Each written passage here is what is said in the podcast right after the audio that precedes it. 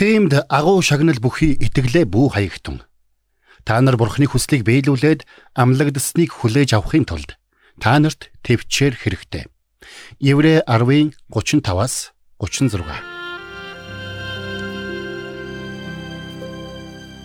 Мэргэний сонсог мэдлэгэд хэлэг. Ухаалаг нь мэрэгэн өдрөмжийг мөн авг.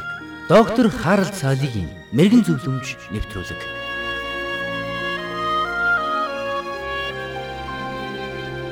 Та зүгээр нэг мах цусны нээлбэр төдий биш. Харин бурхны дүр төрхөөр бүтээгдсэн бурхны гайхамшигтай бүтээл юм. Таныг бүхэл бүтэн 50 тэрлион эс бүрдүүлж байдаг гэдгийг та мэдэх үү? Таны харж, таны мэдэрч байгааг өөр хинж харж мэдэрч чадахгүй. Библи таныг бурхны хувьд онцгой үн цэнтэй гэдгийг батлан өгүүлсэн байдаг. Тийм ч учраас бурхан таныг аварч гим нүглээс чинь чөлөөлж таны амьдралд хандсан өөрийн хүсэл зоригийг танд илчилж өгөхийн тулд өөрийн цорын ганц хүүгээ илгээсэн юм. Ром хотын итгэгчдэд хандан бичсэн загталда Паул Бурхны зориг болон төлөвлөгөөг олж мэдхийн тулд бид бодол санаагаа төдийгүй бие махбодоо Бурханд тааламжтай тахил болгон өргөх хэрэгтэй гэдгийг онцолсон байдаг. Энэ нь бид бие махбод бодол санаа гэд байгаа бүхнээр бурхныг дуулууртай дагна гэсэн үг юм. Энэ бол үнэхээр чухал зүйл. Харамсалтай нь бид тэр бүр үүнийг анзаардаггүй.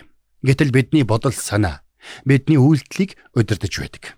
Улмаар хийж буй үйлдэлийнхээ үр дагаврыг тооцож үзэхгүй байснаас болоод хүмүүс зайлсхийх боломжтой гай зовлонг чиглэн явсаар нүхэнд унаж орхидог. Тэгээд эцэст нь бид бурхан минь надад туслаач. Би яагаад ийм мунхаг зүйл хийж орхивдоо хэмээн харуулдаг. Тэгвэл бид итгэлийн амьдралдаа өөрийн оюун санааг өдөр бүр шинчилж байх ёстой гэдгийг Илж Паул сануулсан байна. Та өдөр бүр хоол иддэг, тогтмол усанд ордог үстэй. Тэр бүхэл эрүүл байхын тулд тогтмол дасгал хөдөлгөөн хийдэг байх. Тэгвэл үүний нэгэн адил та Таны амьдралд хандсан бурхны зориг болон төлөвлөгөөнд нийцүүлэн бодол санаагаа өдөр бүр шинчилсээр байх нь амин чухал юм. Үнэн дээр олон зуун жилийн туршид этгэгчид энэ асуудалтай нүүр тулсаар ирсэн юм. Учир нь энэ дэлхийн ертөнц бидний бодол санааг өөрийнхөө бодол санаатай адил болгон өөрчлөхийг хүчирсээр байдаг. Тэгвэл бид энэ дарамт шахалт донд хэрхэн Бурхны хүслийн дагуу бодож сэтгэдэг хүмүүс байх вэ? Өөрөөр хэлбэл хэрхэн бурхантай тогтмол харилцаа холбоотой байх вэ? Давид хаан нэгэнтээ Бурхан та миний бурхан.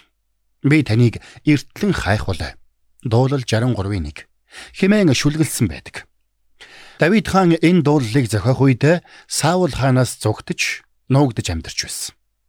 Гэсэн ч тэр нар мантахаас өмнө эртлэн босоод бурхны сайн сайхныг тунгаан боддог байсан. Тиймээс ч Усгүй, хуурай, ангамл газарт сэтгэл минь танаар цангаж бэ мах бод минь таныг хүсн тэмүүлж байна хэмээн дуулсан байдаг.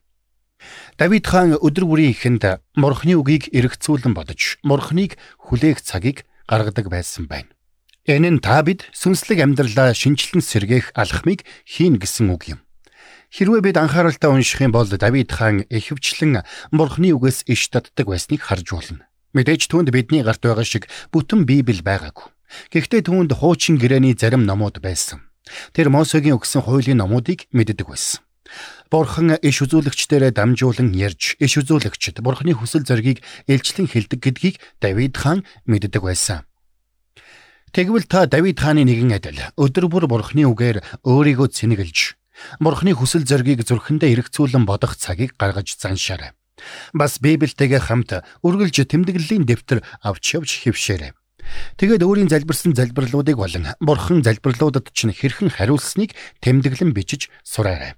Элч Паул Ромд амьдарч байсан итгэгчдэд хандан хэлэхдээ Бурхны хүсэл зориг нь сайн гэдгийг сануулсан байдаг. Учир нь бид Бурхны хүсэл зоригийг түүний мөн чанараас нь ангид салгаж ойлгох ёсгүй юм. Паул бас хэлэхдээ Бурхны хүсэл зориг бол хүлээн зөвшөөрөхөд хэцүү зовлонтой зүйл биш. Харин ч бидний амьдралд тааламжтай гэдгийг сануулсан байдаг. Үнэн хэрэгтээ бидний амьдралд хандсан Бурхны хүсэл бол бидний амьдралынхаа туршид эрен хайсаар байсан тэр зүйл юм. Бид өөрсдийн амьдралд хандсан Бурхны хүслийг таньж мэдснээр бидний амьдрал бүрэн төгс болдог. Тиймээс ч Паул энд төгс төгөлдөр хэмээн тодорхойлсон байна. Тэгвэл бидний хувьд хийх ёстой эхний алхам нь Бурхны хүсэл зоригийг гүйцэлдүүлэх шийдвэрийг зүрхэндээ гаргах явдал юм. Үүнийг Эфес 6-гийн 6-ад хэлэхдээ Бурхны хүслийг зүрх сэтгэлээсээ үйлд хэмээн тодорхойлсон байдаг.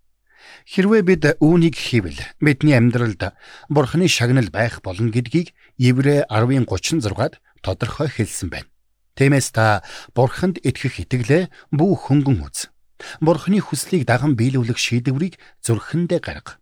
Тэгвэл Бурхны товлсон цагт та гайхамшигтай шагналыг Бурханаас хүлээн авах болно. Тиймээс Бурханд үргэлж итгээрэй.